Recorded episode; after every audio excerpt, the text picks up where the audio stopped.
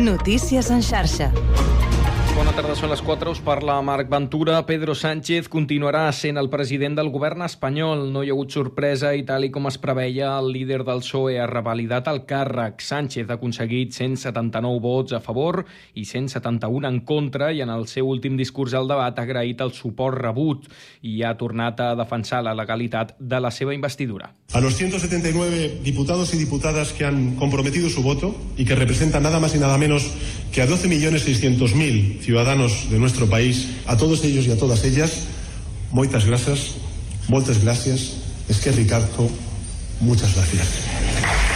Abans de la votació, el diputat del Partit Popular, Miquel Tellado, ha demanat la paraula per al·lusions per acabar acusant el PSOE de permetre la violència. Condenamos la violencia siempre. Se equivocan. Nosotros la condenamos siempre y por eso condenamos esa agresión. Ustedes la alientan en el momento que la perdonan y en el momento que la amnistían. I és que aquest matí han llançat ous a un grup de diputats eh, que esmorzaven prop del Congrés. La presidenta de l'ENS, Francina Armengol, comunicarà el resultat de la votació al rei Felip VI, a qui correspon nomenar el president, i Pedro Sánchez prometrà el càrrec de mà davant el monarca i la cúpula de l'Estat. Per la seva banda, el president de la Generalitat, Pere Aragonès, ha avisat el líder socialista que serà exigent des del minut zero en un missatge a la xarxa social X. El cap de l'executiu català ha afirmat que ara toca complir els acords pactats com el traspàs de rodalies, les millores econòmiques i l'amnistia. En quant a les concentracions contra la investidura de Pedro Sánchez al voltant del Congrés, han aplegat unes 250 persones a la plaça Neptuno, convocats per organitzacions organitzacions com Revuelta, els manifestants han fet proclames contra el president del govern espanyol o l'amnistia. La manifestació es desenvolupa sense gaires incidents. Una altra concentració ha reunit 200 persones dels ultradatans de Frente Obrero i el grup eh, abstencionista Junta Democràtica.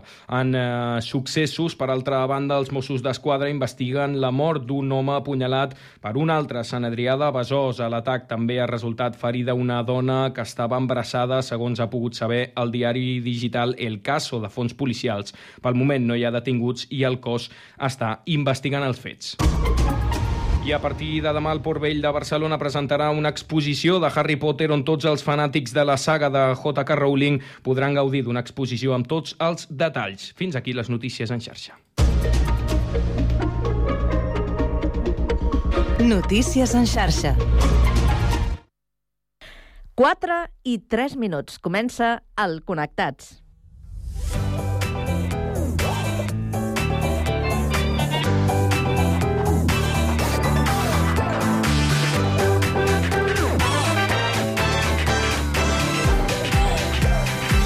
Connectats amb Carme Reversa.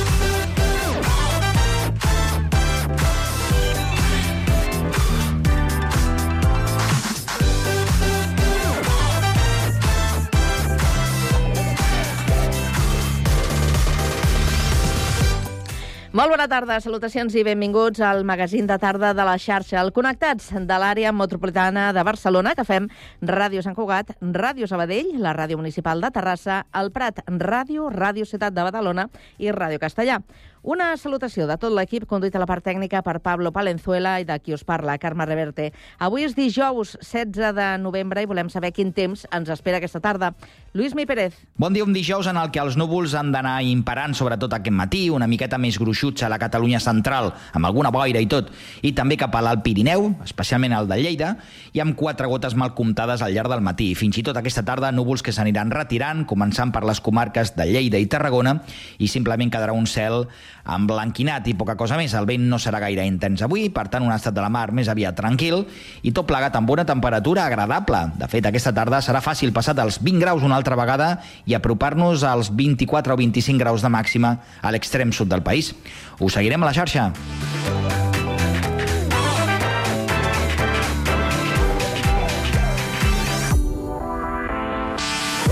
Avui, Dia Mundial de la Filosofia, al Connectats preguntarem per què serveix i el valor que té actualment a la nostra societat. Entrevistarem Carme Serret, eh, llicenciada en Filosofia i Ciències de l'Educació i actualment professora de Ciències de l'Educació de la Universitat Autònoma de Barcelona.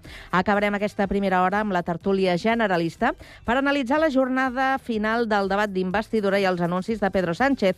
També parlarem de la decisió de la Generalitat de no subvencionar les estacions eh, d'esquí. A partir de les 5 coneixerem la iniciativa de l'Escola Maristes Xampanyany de Badalona, de la mà de dos alumnes i un professor. Continuarem amb patrimoni per fixar-nos en el passebrisme. Parlarem amb la castellarenca Montserrat Ribas, medalla d'or eh, passebrista. Acabarem amb cultura per referir-nos a la preestrena del llargmetratge La imatge permanent de la pretenca Laura Ferrés. Tot això i més des d'ara i fins a les 6 de la tarda a la vostra emissora local. Connectats? Comencem. Tears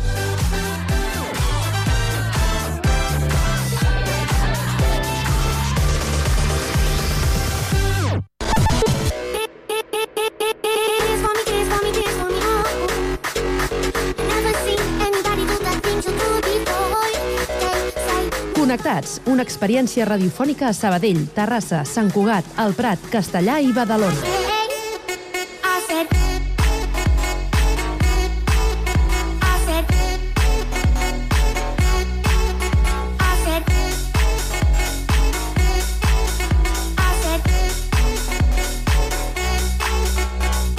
Connectats amb Carme Reverte.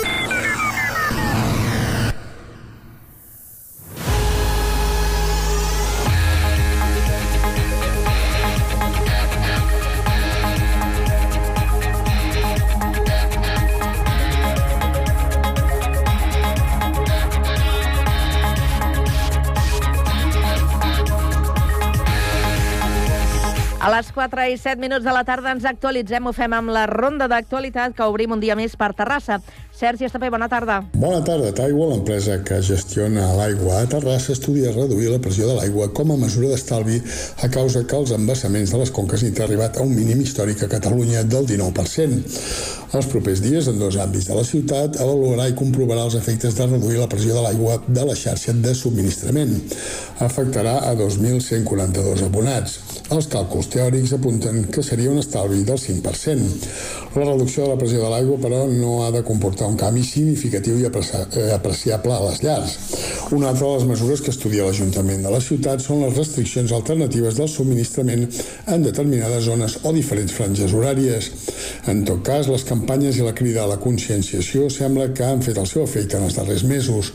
El consum d'aigua a Terrassa està per sota del que marca l'actual estat d'excepcionalitat, que és, que és de 200 litres per persona i dia.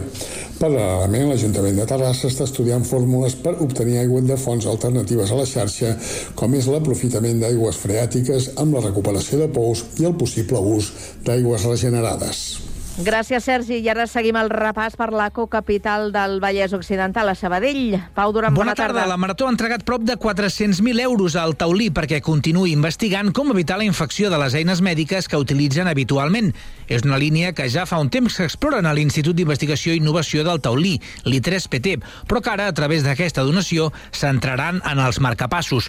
Oriol Gasc, un dels investigadors de l'I3PT que lidera el projecte, ha explicat per què han escollit aquest dispositiu. Els marcapassos són uns dispositius que s'utilitzen um, de forma cada cop més freqüent, mm, ja que um, cada cop hi ha més pacients que necessiten doncs, una, una ajuda doncs, per, uh, per transmetre l'impuls elèctric del cor i aquests marcapassos, quan es col·loquen, doncs, poden infectar-se tant a nivell del que és el, el generador que està doncs, col·locat sota la pell, com dels cables que arriben fins al, fins al cor a través, del, a través de les venes. El projecte té una durada de 3 anys i també hi col·laboren l'Hospital Clínic, l'Institut de Recerca i Tecnologia Agroalimentària i l'Institut de Ciències de Materials de Barcelona.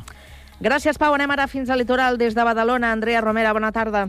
Bona tarda, Carme. L'Ajuntament de Badalona sancionarà amb fins a 3.000 euros els particulars o empreses que realitzin abocaments il·legals a la ciutat. És un dels punts que vol aprovar en el ple extraordinari que se celebrarà la setmana vinent per modificar l'ordenança de civisme que no s'ha actualitzat des de fa 9 anys. El govern diu que hi ha punts molt concrets de la ciutat on s'han detectat vehicles que hi aboquen runes i mobles de manera habitual. La normativa indica que això s'ha de fer a les deixalleries o, en el cas de mobles i electrodomèstics, al costat dels contenidors en horaris molt determinats.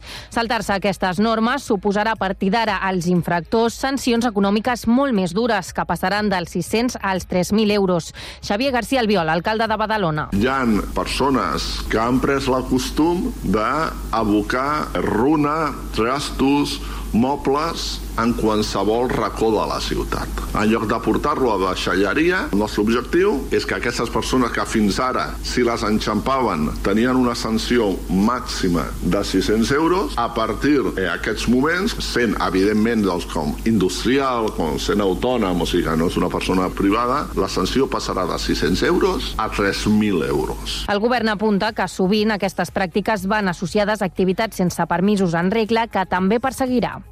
Gràcies, Andrea. Seguim al litoral, ara una mica més al sud, al Prat de Llobregat. Rocío Santa Eufèmia, bona tarda. Bona tarda. La salut mental segueix sent un dels temes que més afecta el jovent. Per això l'Ajuntament ha organitzat per segon any consecutiu el Hype de les Emocions, un cicle centrat en els sentiments que arrenca avui a les 6 de la tarda. Aquesta proposta estarà formada per sis sessions en què ens donaran eines i recursos per gestionar les emocions i aprendre a comunicar-les. Tot plegat per millorar la intel·ligència emocional dels i les joves, tal com explica la psicòloga de l'Assessoria d'Orientació Personal del Lloro, Càtia Velar millorar la intel·ligència emocional de les persones joves que venen. I amb això què és el que volem dir? Pues que tinguin més estratègies per ser conscients del que senten, per poder regular-ho adequadament, -hmm. tant les emocions positives com les negatives. Les dues són útils per la vida, els dos blocs, vaja, i, i també tota la part de, de l'autoconeixement, l'autoestima, la seva capacitat de, de relació social, no? d'apropament a l'altre, de gestió de conflictes, la sessió d'avui se centrarà en el benestar emocional. Les següents tractaran la consciència emocional, tècniques de relaxació, la frustració, la gestió del temps i les fortaleses personals. Gràcies, Rocío. I ara tornem al Vallès. Des de Castellà, Jaume Clapés, bona tarda. Bona tarda. A Castellà, el Consell Municipal de Cooperació al Desenvolupament ha donat llum verda per atorgar ajuts a diferents projectes de cooperació al desenvolupament i sensibilització. Perquè fa als projectes de cooperació al desenvolupament, el Consell va avaluar positivament les propostes presentades per cinc entitats. Respecte als projectes de sensibilització, es va acordar donar suport a les propostes de tres associacions de familiars d'alumnes, a més d'una quarta presentada per l'Associació Afrocatalana d'Acció Solidària Amics de la Casa Mansa. I en relació a les campanyes d'emergències, l'import de 3.000 euros destinat al Marroc s'afegeix als 3.000 euros que a principis d'aquest 2023 ja es van destinar a la població de Síria i el Kurdistan. El Consell també va proposar que el pressupost per emergències de l'any 2024 es pugui dedicar a la població afectada per a la guerra palestina. Gràcies, Jaume. Des de Sant Cugat avui us expliquem que l'11% de l'aigua que surt per l'aixeta a la ciutat prové del mar després de passar un procés de desalinització. Aquest percentatge el 2022 era del 3% i abans zero. És una de les conseqüències evidents de la sequera, tot i que la mitjana de l'àrea metropolitana aquesta dada és inclús més gran. Aquestes són dades d'Aigües Ter Llobregat, que ha cedit a Cugat Mèdia i que expliquem perquè la factura de l'aigua del 2024 serà més alta, ja que la desalinització d'aigua de mar té un alt eh, cost energètic. Ho explica David Vila, director d'ATL. I, evidentment, l'aigua del, dels rius, l'aigua superficial, té una major qualitat que l'aigua salada, perquè el procés de desalinització o d'osmosis passa per retirar tota la mineralització de l'aigua. Eh? Per tant, nosaltres hem de tornar a portar calci, hem de tornar a portar minerals un cop finalitzada, però sí que el que podem garantir és que la qualitat eh, és excel·lent, tant de, de gust com, organo, com organolèptica. Però que l'aigua costi un 33% no vol dir que la factura dels usuaris creixerà en la mateixa proporció.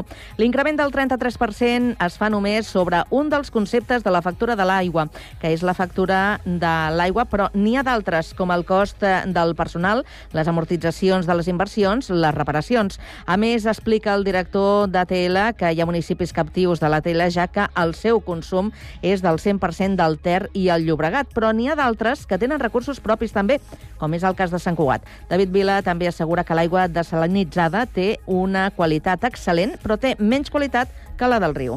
Un dels elements que ha motivat l'increment de la tarifa que aplica a Tela és el que, lligat amb el que deia abans, és l'ús intensiu de les desalinitzadores, que per la qüestió de la sequera n'hem hagut d'incrementar del 25 fins al 100%, des, eh, que és en el règim que estan treballant en els últims eh, 18 mesos, i en segon lloc el propi preu de l'energia que s'ha disparat també durant aquest període de temps. La Generalitat té projectada la construcció de dues desalinitzadores més per augmentar la seva capacitat en casos de sequera, ja que actualment la del Prat i la de Blanes estan en funcionament al 100% del seu rendiment. Està previst construir-ne una segona a la zona del riu La Tordera i una altra a Cubelles, al Garraf.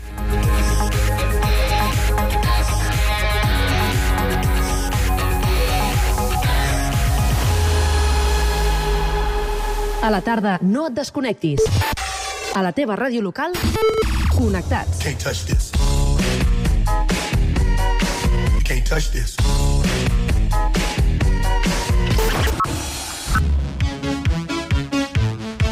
Can't touch this.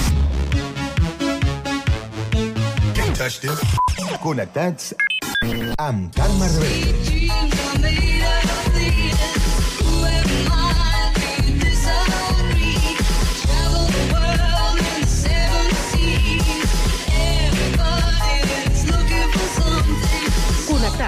Una experiència radiofònica a Sabadell, Terrassa, Sant Cugat, El Prat, Castellà i Badalona.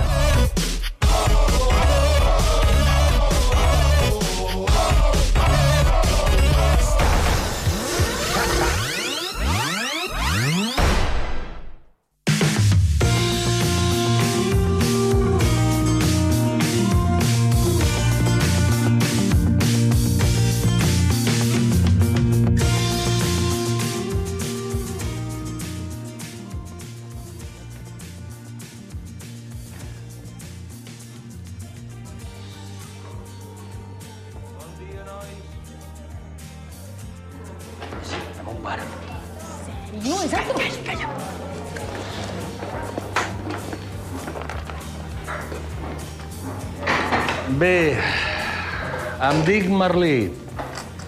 I vull que la filosofia us faci trempar. El Marc ve cada dia trempat de casa.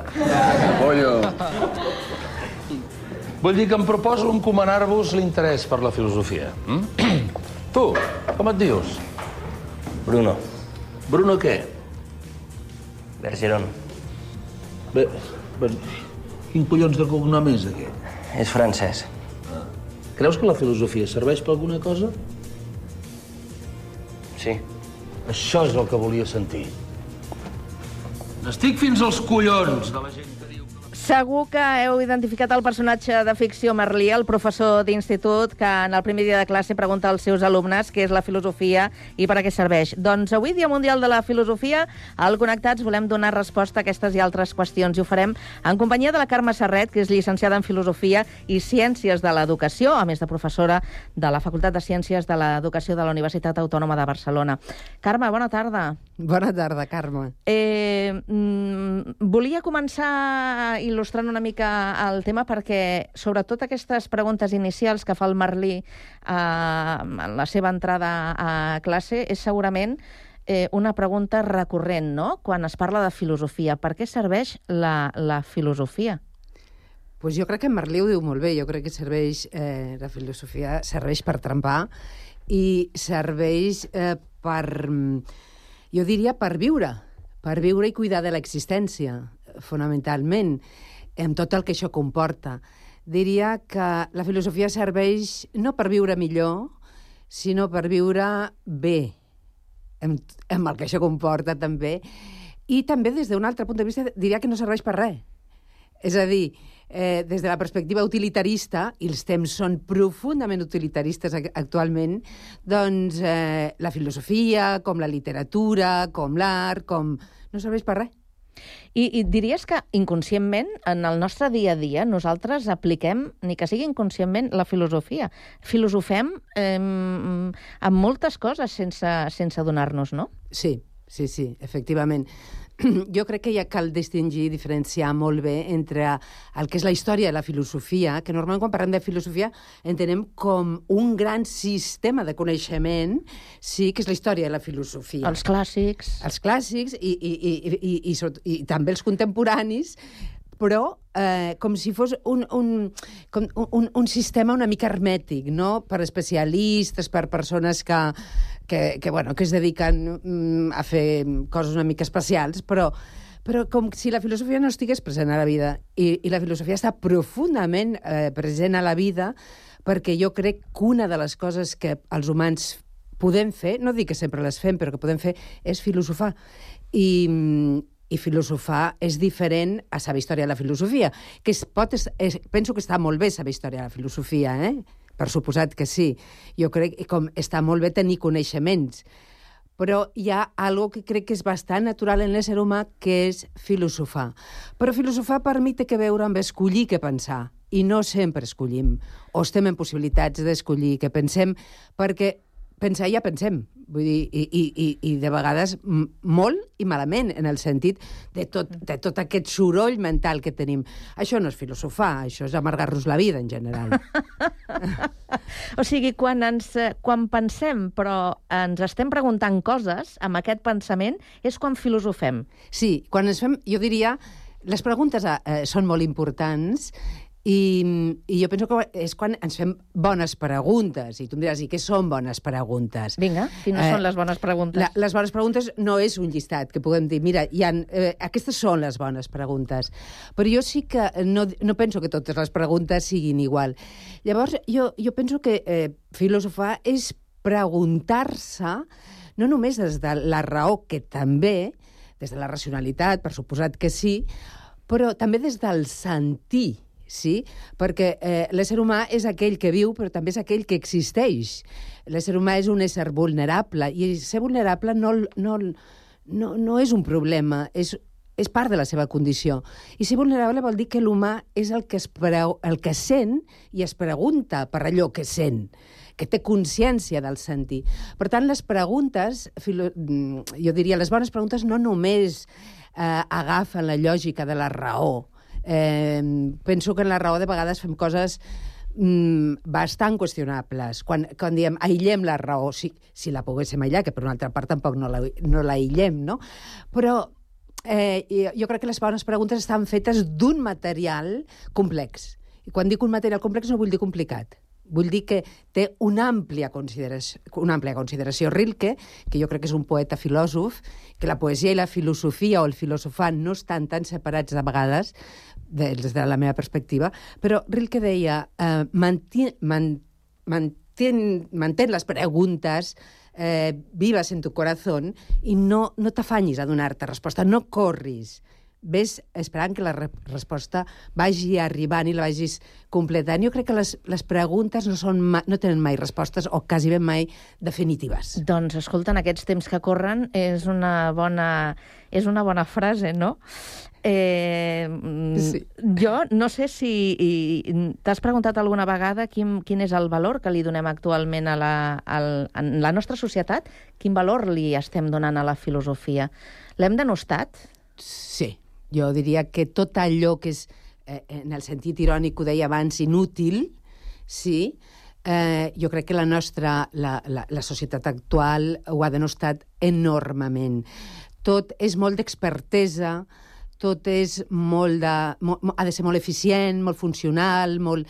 I, I crec que per això estem patint tant, també, perquè hem relegat, d'alguna manera, les, eh, les preguntes les preguntes i, i, i, i el, el pensar en allò que per l'ésser humà jo crec que, que, que és fonamental, que és, per exemple, el sentit, que és la llibertat, que és la vida, que és la mort, que és la soledat, totes aquestes preguntes, eh, preguntes i reflex, reflexionar, pensar i sentir sobre tot això, jo crec que forma part del nucli existencial de l'humà i sense això patim. I crec que estem patint, com veiem molt, malauradament, ja des de fa... Eh, per exemple, en el segle XXI ja va anunciar l'OMS que, que, que la gran pandèmia serien les malalt... la- les, els desequilibris emocionals i mentals. Jo crec que aquí té molt a veure la filosofia, també, sí? la filosofia de Pot l'existència. servir de medicina? Jo penso que sí. Jo penso que eh, la, la filosofia eh, la filosofia, eh, com ja des de, des de l'estoïcisme, i molt abans, eh, però eh, eh, di- parlo de l'estoïcisme perquè precisament eh, una certa part dels enfocs eh, en psicologia l'adopten molt, eh, de vegades d'una manera una mica simplificadora, però, i estem parlant d'Epíctet, és a dir, de fa molts i molts anys. Mm. Vull dir, des de llavors sabem com, d'alguna manera, la, i abans també, la filosofia ens ajuda a comprendre i a comprendre's, a donar significat, a posar límits, a veure els límits del que està en la meva mà i del que està en mans de la vida. Um, i, eh, tot, tots aquests aspectes jo crec que tenen que veure amb la salut. Per tant, sí, penso que la, la, la filosofia és molt saludable, pot ser molt saludable. Jo crec que Merlí, la sèrie, va fer... Ho, ho mostra. Crec que, que li va donar, en, en aquest sentit, un, un, un cert impuls i una certa popularitat a la filosofia entre els joves molt agradable. I, I penso que molts dels que ens dediquem a la filosofia estem en aquesta línia, que, de transmetre als joves eh, doncs la importància per les nostres vides que té escollir què pensar, fonamentalment perquè escollir què pensar ens ajuda a ser més crítics, ens ajuda a ser més lliures, ens ajuda a prendre decisions i a responsabilitzar-nos d'allò que vivim.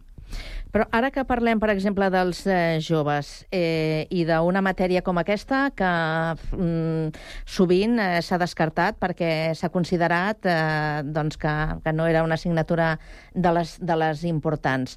Eh, avui dia els joves eh, trien la filosofia eh, com, a, com a formació i per buscar una sortida professional, perquè també ja s'ha de tenir en compte quines són les sortides professionals que hi ha avui dia per una persona que estudi filosofia. Sí. Um, jo crec que la filosofia, i sobretot, bueno, parlem de, de, de filosofia en el sentit ampli, eh, i pur, eh, és una opció que prenen algunes persones, joves també, jo tinc de vegades alumnes a l'educació que mm, em diuen després faré filosofia, no? Jo penso que és, que és una formació, la, la formació en filosofia és una formació molt fundacional del coneixement.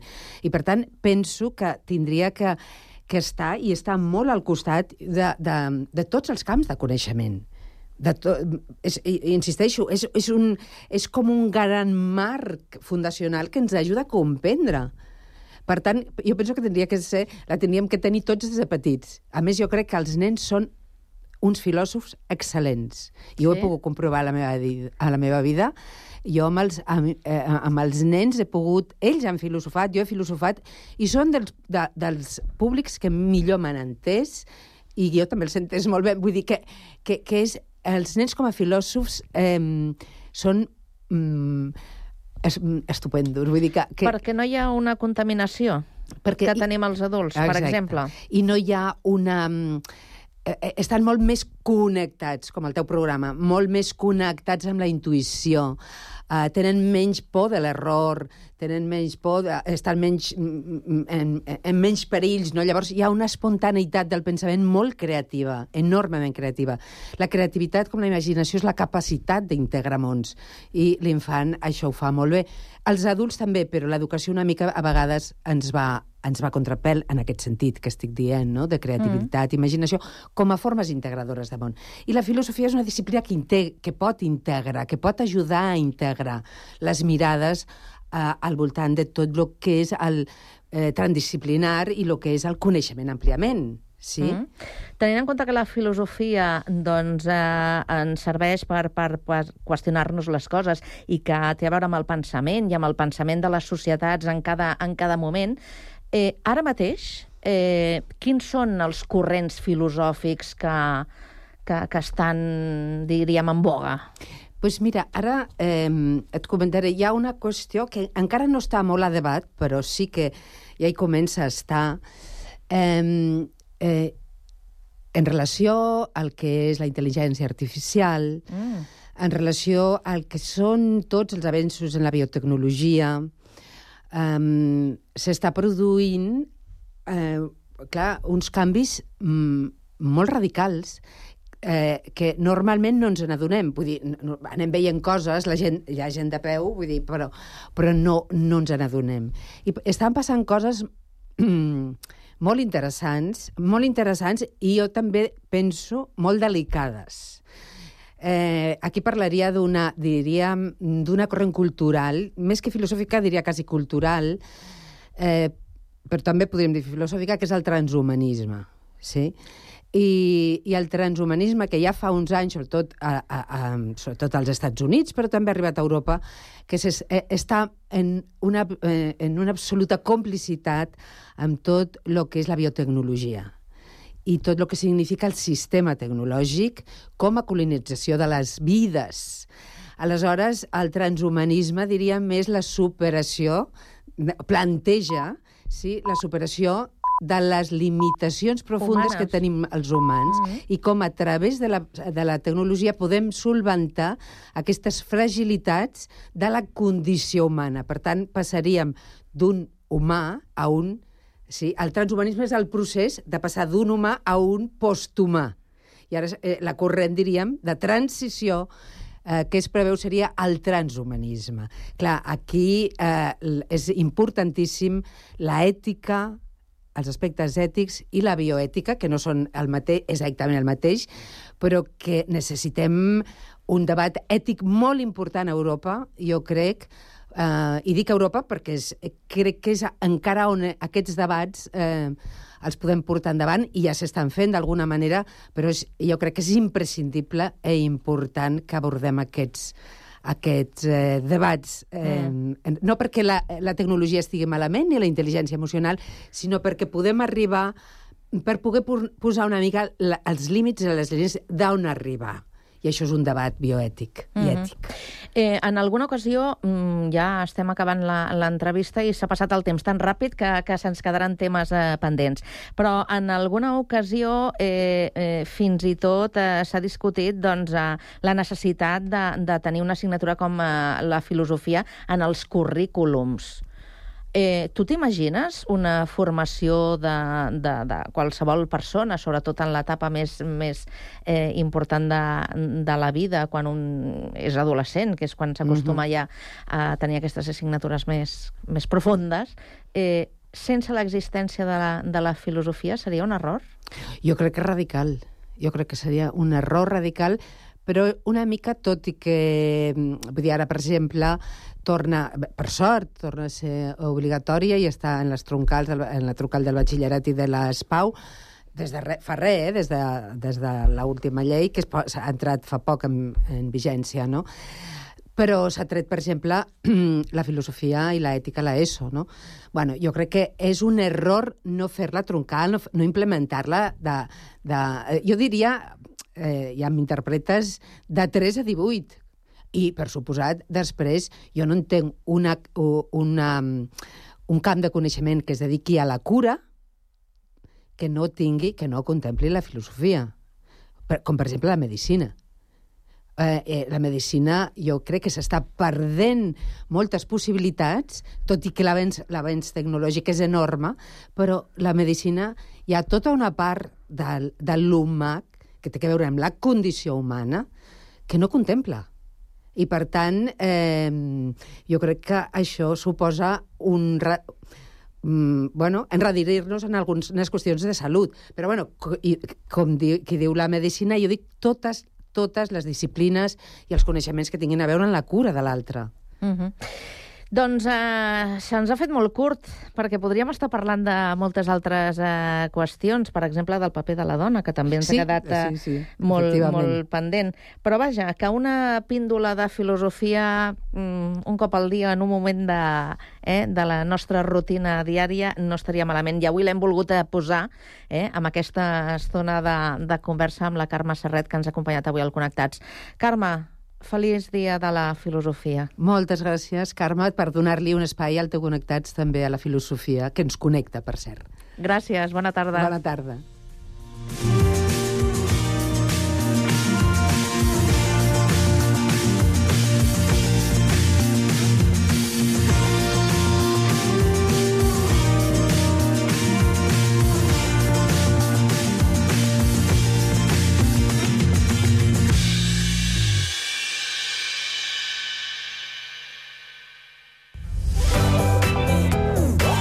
Connectats, una experiència radiofònica a Sabadell. Ràdio Sabadell, 94.6. Terrassa. Ràdio Municipal de Terrassa, 95.2. Sant Cugat. Ràdio Sant Cugat, 91.5. El Prat. El Prat Ràdio, 91.6. Castellà. Ràdio Castellà, 90.1. I Badalona. Ràdio Ciutat de Badalona, 94.4. Cada tarda de 4 a 6, connectats.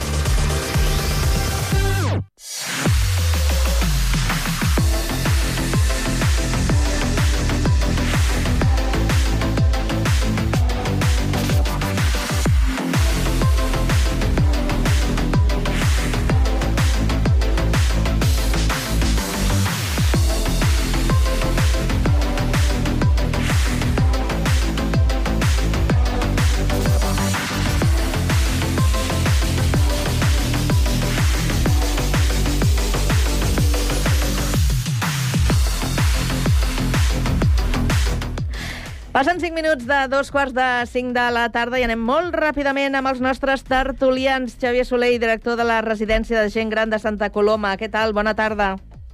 Hola, bona tarda. Bona tarda. També ens acompanya des de Terrassa Josep eh, Vallvé, exempleat de Caixa d'Estalvis i columnista. Josep, bona tarda. Bona tarda, content de retrobar-vos. I la Dolors Vilarassau, directora teatral, que també la tenim aquí a l'estudi. Què tal, Dolors? Bé. Habemos, habemos president. Exacte. Molt bé, doncs avui parlarem... Ha, ha, ha gustat més que el part de la burra, no? Per això, això, no? bueno, no et pensis tampoc, que sí, Home. ha, ha, ha, cost, ha costat, però vull dir que ja el, el debat aquests dos dies, la cosa ha anat... Sí, no, no, però per arribar aquí... Ha anat bastant més, més ràpida. Bé, doncs, eh, eh, avui ja s'ha fet la votació, ja han investit eh, el senyor Pedro Sánchez, eh, una legislatura que, com sempre, haurà de ser quatre anys, però ja veurem, I- i perquè el tant. camí, el camí és, és, és complicat i pot ser que, que no sé si trobaran espines, si trobaran bastons, si trobaran obstacles que, que hauran d'anar eh, saltant. Però la primera jornada de- d'aquest debat, eh, Pedro Sánchez va anunciar doncs eh, va fer alguns anuncis, alguns anuncis sobre la seva política de cara a, aquest, a aquesta nova legislatura. Eh, I entre algun dels anuncis hi ha alguns que són allò com molt llampants, eh? el fet que el transport públic per a menors joves i desocupats eh, sigui eh, gratuït, que es mantindrà la baixada de, de l'IVA dels aliments bàsics fins al mes de, de juny, eh, el tema que té a veure amb el permís de la paternitat i la maternitat. Vaja, una sèrie d'anuncis que, sumats a tots els acords que s'ha compromès eh, amb els diferents eh, partits, fan d'aquesta nova legislatura mm, un, un tema allò difícil de, de, de suportar. Ja veurem. No sé com veieu vosaltres, eh, com preveieu aquesta legislatura? Vinga, Mm, vols començar tu, Dolors? No, no, no, no. Doncs vinga, Xavier, tu mateix. Home, com, eh, a veure, clar, és que, de fet, aquest, sembla que fins ara el, el debat eh, d'aquesta investidura tot donava voltes al voltant de l'amnistia. I, i, I a darrere, quan aixeques el, el vel, ostres, hi ha un munt de mesures, de mesures de caràcter social, que realment, com tu dius, són, escolta, és un llistat que és una llista als reis eh, tremenda, llarguíssima. Clar, i després n'hi ha algunes que, evidentment, són aquestes són titulars, són llampants, eh, mesures de, com aquesta, la gratuïtat al transport públic per a menors, per a joves, per, per a persones aturades, que, eh, que a més doncs, té una transcendència econòmica important, i, i algunes altres, no? També el tema de la congelació, no, no s'ha dit, però una de les mesures que queda per allà, que ja veurem també com la congelació de les quotes hipotecàries per a, Sí. sí. per a famílies amb ingressos amb un determinat topall, em sembla que eren 38.000 euros, semblava com a màxim, eh, mesures, la, la modificació també es parlava de modificar l'Estatut dels Treballadors, o sigui, per tant, seran temes que, escolta, que, que portaran molt debat, que portaran molt debat, i que caldrà que tots els grups que en aquest moment han donat suport i han eh, recolzat la investidura Pedro Sánchez eh, s'hi posin a treballar ja des del primer dia. O sigui, que jo no sé si algú s'ha anat a casa aquest cap de setmana, jo crec que ja haurien d'estar treballant allà per poder posar fil a l'agulla i, i dilluns, eh, encara que encara no tenim ministres nomenats, però dilluns ja comencessin a, a fer feina, no? Perquè realment eh, són moltes, no? I, per descomptat, el tema que ho taparà tot, que serà com un manto, és el tema de la proposició de llei de l'amnistia i a veure com s'aprova, bueno, aprovar-se s'aprovarà possiblement, però després a veure com, es, com la, els tribunals després la trossegen o la, o la mantenen o li donen el seu vistiplau, no? Ja veurem, que això també serà Bueno, un, altre, un altre tema. Pinta un que altre hauran tema. de canviar el traje i la corbata pel mono de feina, no? Per la, per la Sí. granota, sí. Sí, sí. Jos Mm. Josep, A veure, a mi m'agrada molt tibar de, de dages o de refranys i totes aquestes promeses eh, em porten amb un... He triat un, un refrany que, o una dita que tot em sembla en llonguets per avui i en grunes per demà. Pan pa hoy, hambre pa mañana, que diuen a la llengua de l'imperio. A veure, això per mi és una, un xantatge, una presa de pèl, una compra de vots, eh, no sé, eh, un engany a la gent, una almoina. Aleshores, jo em pregunto, algú o en algun moment, per part del govern, eh, em quantificarà què representa econòmicament tot això dintre del pot dels pressupostos que encara s'hauran d'aprovar? Serà més deute públic? M'ho miro des de la perspectiva d'haver treballat al sector financer. Si aleshores es fa una mala gestió econòmica i l'única cosa que es fa és prometre donar l'hora i el moro sense que no hi hagi un, un, una entitat que fiscalitzi com, amb què, amb què s'inverteixen els diners, doncs arriba un moment, com ha passat ara amb tota aquesta negociació, que una de les, de les, dels regals i de les almoines que ha fet, eh, una concessió que ha fet gratuïta el president Sánchez en, el, en, el, en, el, en els partits catalans, Esquerra i Junts, és la condonació d'un deute de només 15.000 milions d'euros. Els altres, els de fora de les altres, les altres eh, eh, autonomies s'han de sentir doncs, menys tinguts. No sé, eh, jo crec que mm, presentar una foto molt guapa i fer un gran anunci, prometre doncs, que donarem la Bíblia, no ho sé, em fa tot més por que una pedregada. Mm. I aleshores, eh, dintre de tot plegat, el que, mirant-m'ho des de la perspectiva periodística, que també és clar, a mi, a mi m'embolcalla bastant, eh, veig que abans per buscar una, una dita, que unes declaracions que hagués fet qualsevol polític en un moment determinat, havies de buscar les hemeroteques, rascar diaris. Ara agafes i, agafes un, un reguitzell de 7, 8, 12 ministres eh, d'aquest govern que acaba de estava en funcions i que ara representa que s'ha de, de, de replantejar de nou, mm, recuperant alguns dels mateixos ministres que hi hauran. Aleshores, en canvi, ara amb les, eh, et van prometre una cosa fa que l'amnistia no era ni somiar-ho, i resulta que eh, trobes amb unes declaracions com les del senyor Patxi López dient que no han canviat d'opinió, sinó que han canviat de temps. Mm. Tot és un engany, tot és un engany. Josep diria que el tema de la condonació del deute eh, eh, És- eh, també també seria Sí. aplicable, eh? va dir el, el govern en funcions. A ja va altres dir que... comunitats. Ah, exacte, Sí. exacte, Sí, perquè sí. clar, si no... eh, No, no dic pas que no, eh? Posarien no el crit pas al que no. Sí, no, no, sí. no dic pas que no. No, no, sí que és, seria Mm. interessant veure l'encaix de totes aquestes mesures, com es tradueixen en el pressupost de, Tinc molts de, dubtes, de tinc molts dubtes. tinc Però molts vaja, dubtes. engrunes i pans, per avui i per demà. Eh, què, tu com ho veus, Dolors? Bueno, eh, jo, jo li, també tinc molts dubtes, però jo li veig un cert interès. O sigui que, mm, per, per una part, tota aquesta sèrie de millores socials que té que veure doncs, en que Sumar eh, tingui un pes important també en el govern, i que, bueno, que han, tret tot, tota, aquesta, tota aquesta sèrie de mesures que potser el Partit Socialista sol o una aliança eh, que hagués hagut amb la dreta no, no es haguera atrevit a tant, i per una altra pa- part també el tema del, de l'amnistia dels independentistes. De fet, han, han dit que sí. Ah, després han, han dit que, que, que, ja, que ja veurem, que ha de complir tal. Però jo penso que hem de pensar que estan tots units, a excepció de la, de la dreta i, i, de, i de Vox. Uh, jo penso que pot sortir alguna cosa interessant i el que té, i el que té clar, suposo, el, el Pedro Sánchez és que si no compleix uh, se li acaba, se li acaba la, La la, la, sí, sí, la La legislatura. Sí, sí. Mm, A mi, a mi em fa interès. Vull dir, eh, bueno, el, que, el que també es veu és que hi haurà un... que hi- serà una legislatura molt dura, perquè ahir, com se les van tenir el Pedro Sánchez amb el Feijó, va ser, va ser molt fort. I, bueno, ja no diguem les declaracions de Vox, que aquests sí que fan una por tremenda. O sigui, aquests, aquests energúmens allà, vull dir, allà al mig fan una por que no vegis. O sigui, que fàcil, que fàcil no serà. Però de vegades això pot esperonar una mica tot plegat. No sé fins a on es podrà arribar, eh, però, però penso que sí que es, po- que es pot avançar. Penso que és algo diferent de- d'altres vegades, no? O sigui, és diferent perquè aquí entren en joc diverses forces Mm. eh, que representen a diferents part de, parts del, del territori i una situació que obligarà, això sí, eh, que marcarà segurament aquesta legislatura a les negociacions constants Mm. i a l'arribar a acords i, i consensos, no? I a complir-los. Clar.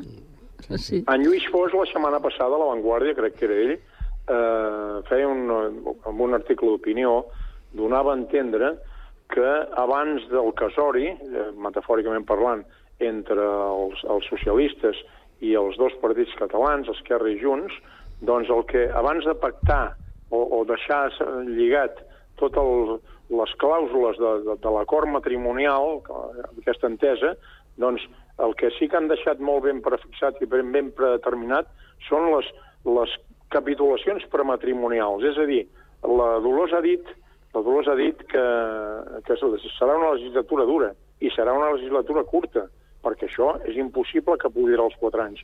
Si cada setmana s'estaran tirant la, les teules una al damunt de l'altra. Aleshores, amb això que deia el Lluís Foix, mm, a mi em fa molta por, m'agradaria que fos una legislatura no sé, que fos relativament còmode, que la gent clavés els colzes, que la gent treballés, tota aquesta gent que surt a manifestar-se als vespres a Madrid, aquestes, aquestes hores extres que han de pagar a mils i mils de policies per no sé què, tota aquesta gent que està en les dues càmeres, al Senat, i el, que, que treballar, no sé el que, realment el que treballen per meritar el sou que tenen, i aleshores manifestacions aquí i allà, molta gent jubilada, però la manera com s'aixeca un país és treballant. I quan tots són almoines, tots són regals, i no et queda clar com es pagarà tot això, quan tenim un deute públic que ultrapassa el 110% del producte interior brut, doncs mm, segueixo dient que, que sóc molt escèptic, em fa tot més poc una pedregada. Però davant de totes aquestes situacions que ha passat en Pedro Sánchez, eh, dubteu que no, no en trobarà d'altres eh, d'altres vies? Home, Dic, jo, eh, jo, jo, el- jo vull fer una, sí, només vull fer una defensa del Pedro Sánchez, perquè tothom, quan tothom es pensava que era, era un, un tio molt guapo que, i que era tonto, no?, i tal, i és una persona que ha demostrat una habilitat impressionant i ser un gran polític, però vull dir, no, no és que jo no el voto, però, però vull dir, d'aquell tonto, de, de, bueno, i hi ha hagut moments que només ell creia en ell mateix, ni el seu partit ha fet, ha fet també... Té una, una, autoestima que ja voldríem una, molts. No? unes travessies amb el desert impressionants, eh? Xavier. Sí, sí, no, és una persona que, com diu la Dolors, eh, aposta fort, eh, potser en aquest cas per una necessitat, allò que n'ha fet, allò que diu necessitat que n'ha fet virtut, I tant. Um, però realment és una persona que s- eh, té arrojo, eh? té, i, i sap apostar fort. I això, en, aquest, uh, en aquests, uh, aquests, uh, aquesta època, trobar un polític que tingui les idees clares o que d'alguna forma vegi, un, un, en aquest cas, sàpiga defensar una proposta com ha sigut el, la proposició de llei de l'amnistia, que és una proposta que realment ell sabia perfectament que ell assumiria un desgast intern d'entrada dintre el Partit Socialista important i que, a més, això doncs, li provocaria una reacció inflamada al carrer, com està, com està veient. Però també aposta pensant de dir, bueno, això durarà el que durarà i això després s'anirà paivagant. Després, el que passa que aquestes inflamacions eh, seran permanents, perquè ara serà l'amnistia, després serà... Eh, és igual, la dreta està inflamada i, a més, jo penso que a Vox ja li interessa aquesta inflamació permanent, no? Però, tal com està passant en altres països europeus o als Estats Units també amb tot el trumpisme, no? Això és una mena d'onada que també ens arriba aquí. Ara, què passarà? Durarà 4 anys? Home, eh, és, és un home... Si no durarà 4 anys, potser en dura 3 i mig. Però jo crec que ho farà durar. Jo crec que ho farà durar. Amb molts equilibris, molts, i espera't els que veurem. Però penso que els interessa a tots que duri una mica, que això no s'acabi en un any o un any i mig, eh? Xavier, em deixes dir un altre refrany, eh, un inciso, eh? Quien a, quien a hierro mata, Digues, hierro digues. El Pedro Sánchez va accedir a la presidència del govern fent, a través d'una moció de censura, mitjançant una moció de censura en contra del Mariano Rajoy, li va funcionar, és molt probable que ell hagi de, pesar, de pagar la mateixa factura. Vols dir que el PP presentarà una moció? Mm, Jo crec això que diu de 3 anys i mig, jo aquesta legislatura no veig que arribi als dos. Hi haurà garrotades cada setmana, però cada dia, cada dia haurà de fer equilibris amb una corda que està, està penjada travessant la, la, les catarates del Niàgara doncs a 110 metres d'altura. Es, es, es, es fotran un pinyot. El tema, però saps, saps, hi ha un tema que el, mentre el PP vagi de la mà amb Vox, Exacte. no té Ara. altres, no té altres eh, formacions polítiques Ara, que li tema. puguin donar suport. O sigui, el, per sort Sí. o per desgràcia, per sort o per Sí. desgràcia, mentre la necessitat del PP sigui tenir de la mà els 30 i pico diputats de Vox, no hi haurà ningú que li doni recolzament. I eh, això fa, i això Pedro Sánchez ho sap, o sigui, sap que realment serà molt difícil una moció de censura perquè eh, en aquest moment, tal com està, tal com està, i més aquests últims dies encara s'ha demostrat més aquesta, aquesta actuació de, del PP eh, i sobretot d'alguns personatges del PP, com la mateixa presidenta de Madrid, eh, El farà molt difícil, eh, realment. Farà molt difícil que, per exemple, un PNV o altres o, o, o, o, eh, pugui, pugui dir, bueno, em decanto en favor... Serà molt difícil. Però, en fi, ara, que es barallaran internament, home, serà... Sí, sí, serà una legislatura de molts equilibris. Probablement hauria, hauria anat més bé, eh, abans de, de tot això, haver copiat el, el, el model alemany i fer un gran pacte amb grans línies mestres, com s'ha fet a Alemanya entre els dos partits majoritaris. Això ara ja no ho podem dir perquè és aigua passada. Dolors, què anaves a dir? No, que, que jo, jo estic, jo estic d'acord amb, amb el Xavier, no? Sí. Eh, És el Xavier. Doncs jo estic, jo estic d'acord amb el Xavier que la unió... O sigui, el, el fet de que no hi hagi alterna, una altra alternativa, Sí. penso que és el que els unirà a tots. O sigui, pa, partits tan dispars... O sigui, com, com pot dir Junts que, per exemple, que no eh, davant l'alternativa de Vox i PP? Vull dir, Junts. Eh, tots, tots els partits. És que a més han posat com a argument precisament això tots els partits que han pactat amb, Clar, el, amb el PSOE. clar. Com deia en Pedro Sánchez, eh, fer de la necessitat virtut.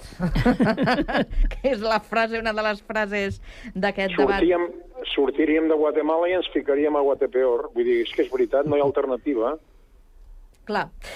Bé, doncs eh, ara veurem, eh, perquè s'hauran de posar a treballar, però abans hem de conèixer també el nou equip de govern, si hi haurà moltes cares noves, eh, qui repetirà, perquè té la confiança de, de Pedro Sánchez, eh, ja, ja es veurà, i això serà bastant eh, ràpidament. Canviant de, de tema, ens quedem una miqueta més eh, a, a casa nostra, perquè la Generalitat ha decidit que deixarà de subvencionar eh, estacions d'esquí de, d'esquí que des del 2020 rebien una compensació eh, pel tema de les restriccions eh, amb- de, la, de la pandèmia. Eh, aquest any han dit que aquests diners eh, aniran destinats a, a la rehabilitació i a la creació d'habitatge social al Pirineu. I quina casualitat, parlàvem aquesta mateixa setmana en una altra tertúlia dels pisos turístics, de la quantitat de pisos turístics que hi ha a zones com el Pirineu, precisament també a la costa i a l'àrea metropolitana de, de Barcelona. Eh, és una manera d'intentar pal·liar doncs, aquesta manca d'habitatge que hi ha per a les persones que, que, el- que ho necessiten, no? Què us sembla la, la determinació aquesta de... Jo, jo aquí estaria d'acord amb, amb, amb l'amic aqu- aquest que diu que les coses també s'ha de mirar, doncs, eh, per exemple, aquest milió i mig eh, que, que deixen de pagar, si realment representa... El, mm, és una quantitat important per fer, per fer pisos de lloguer, per fer rehabilitació d'habitatges, perquè és evident que el Pirineu i la Vall d'Aran, vull dir, per tot aquest tema turístic, vull dir, està, està desorbitat tot el tema de segones residències, tot el tema de l'habitatge. No sé si això serà prou. En principi, la, la, la mesura sembla correcta. Vull dir, és una mesura que es va aplicar per la pandèmia, eh, que també en el seu moment es va aplicar a bars i a hotels i tal, i que ara doncs, s'ha de- s'ha deixat d'aplicar. Eh, Clar, també em, dius, home, és que, vull dir, gastar-t'ho amb canons de neu o gastar-t'ho amb habitatge no té color, no? És evident que és molt més interessant en habitatge, no? El que passa que, que sí que mm, amb, amb l'economia aquesta de mercat amb la que, amb la que estem, pot, mm, és, és el mateix de sempre, no? Potser eh, això, és, és una, això és una espurna només, perquè Mm, simplement és, és un milió i mig que ajudarà a uns quants habitatges... Que va sumat a uns quants a un- milions sí, més. que en eh? total em sembla que Sí, són sí, sí. 6,3 milions. Exacte. Jo, vo- jo, jo voldria eixamplar una miqueta el ventall i amb tot el respecte i l'estima als habitants que hi puguin haver doncs, a la Vall d'Aran i Rodalies, l'entorn d'allà. A veure, a mi em falta també conèixer els detalls de la lletra petita de la resta de, del, dels protocols que configuren aquest acord. Però, per exemple, amb la crisi climàtica, la sequera que hi ha, que ens anuncien, doncs que, que començaran a, a restringir la pressió de les aixetes perquè la cosa està tan malament, vull dir, no es pot fer com va fer el, el president Aragonès quan aquesta crisi ja arrenca des d'abans de l'any 8, eh, convocar un ple per parlar d'aquest tema, doncs ara fa molt pocs mesos, i ara de sobte doncs, dir que aquest 1 milió, milió 200 eh, milió 200.000 euros que es destinaven al tema dels canons de neu, doncs s'aplicarà pels pisos eh, aquests de turístics o no sé, o es, o es farà servir per una altra cosa. Perdona, per què no l'apliquem directament amb el tema de potenciar més el tema de depuradores, que probablement és, mentre el clima no canvi, sembla ser que serà el futur immediat. Però hi ha una cosa que penso eh, que és molt important i que està al rerefons de tot això. Aquestes aportacions, aquests diners, que segurament aquí qui se'n ressentirà segurament seran una estació petita com Port del Comte o com els de l'estació de Tabascan, que aquests, home, això segurament els hi anava bé per aguantar una miqueta, però vaja, el més important és buscar mesures per frenar el despoblament de, les, eh, de, de, de la gent que viu a muntanya, perquè eh, per molt que sembli contradictori, a la Cerdanya, a la Vall d'Aran, al Pallars, no es troba gent per poder treballar en el sector turístic, en el sector hoteler, això. Per què? Perquè és tan car l'habitatge, perquè precisament l'habitatge estacional, l'habitatge turístic, està pels, pels núvols, que la gent que viu allà o la gent que vol treballar allà no pot. Per tant, la, la mesura ha de ser més ambiciosa, perquè cal frenar el despoblament, i ho dic així, de totes aquestes zones de muntanya, eh, Pallars, Cerdanya, Vall d'Aran, on, on la gent no pot viure-hi per treballar. Aquest és el drama. Aquesta mesura del 1.200.000, que segurament se sumarà amb aquests 6 i pico que l'Incasol també acabarà portant, eh, s'ha de fer possible, com te discuteu? És que és fonamental retenir la gent per evitar la Catalunya despoblada en aquestes zones. Perquè Això que dius tu, Xavier, perdona, això que dius Això tu, Xavier, fonamental. això que dius tu, Xavier, traduït al, al país veí, Espanya, és la- l'Espanya vacía, que diuen. Oh, Ah, sí, dir, que aquí- això va molt calés poder-ho reinvertir, regirar.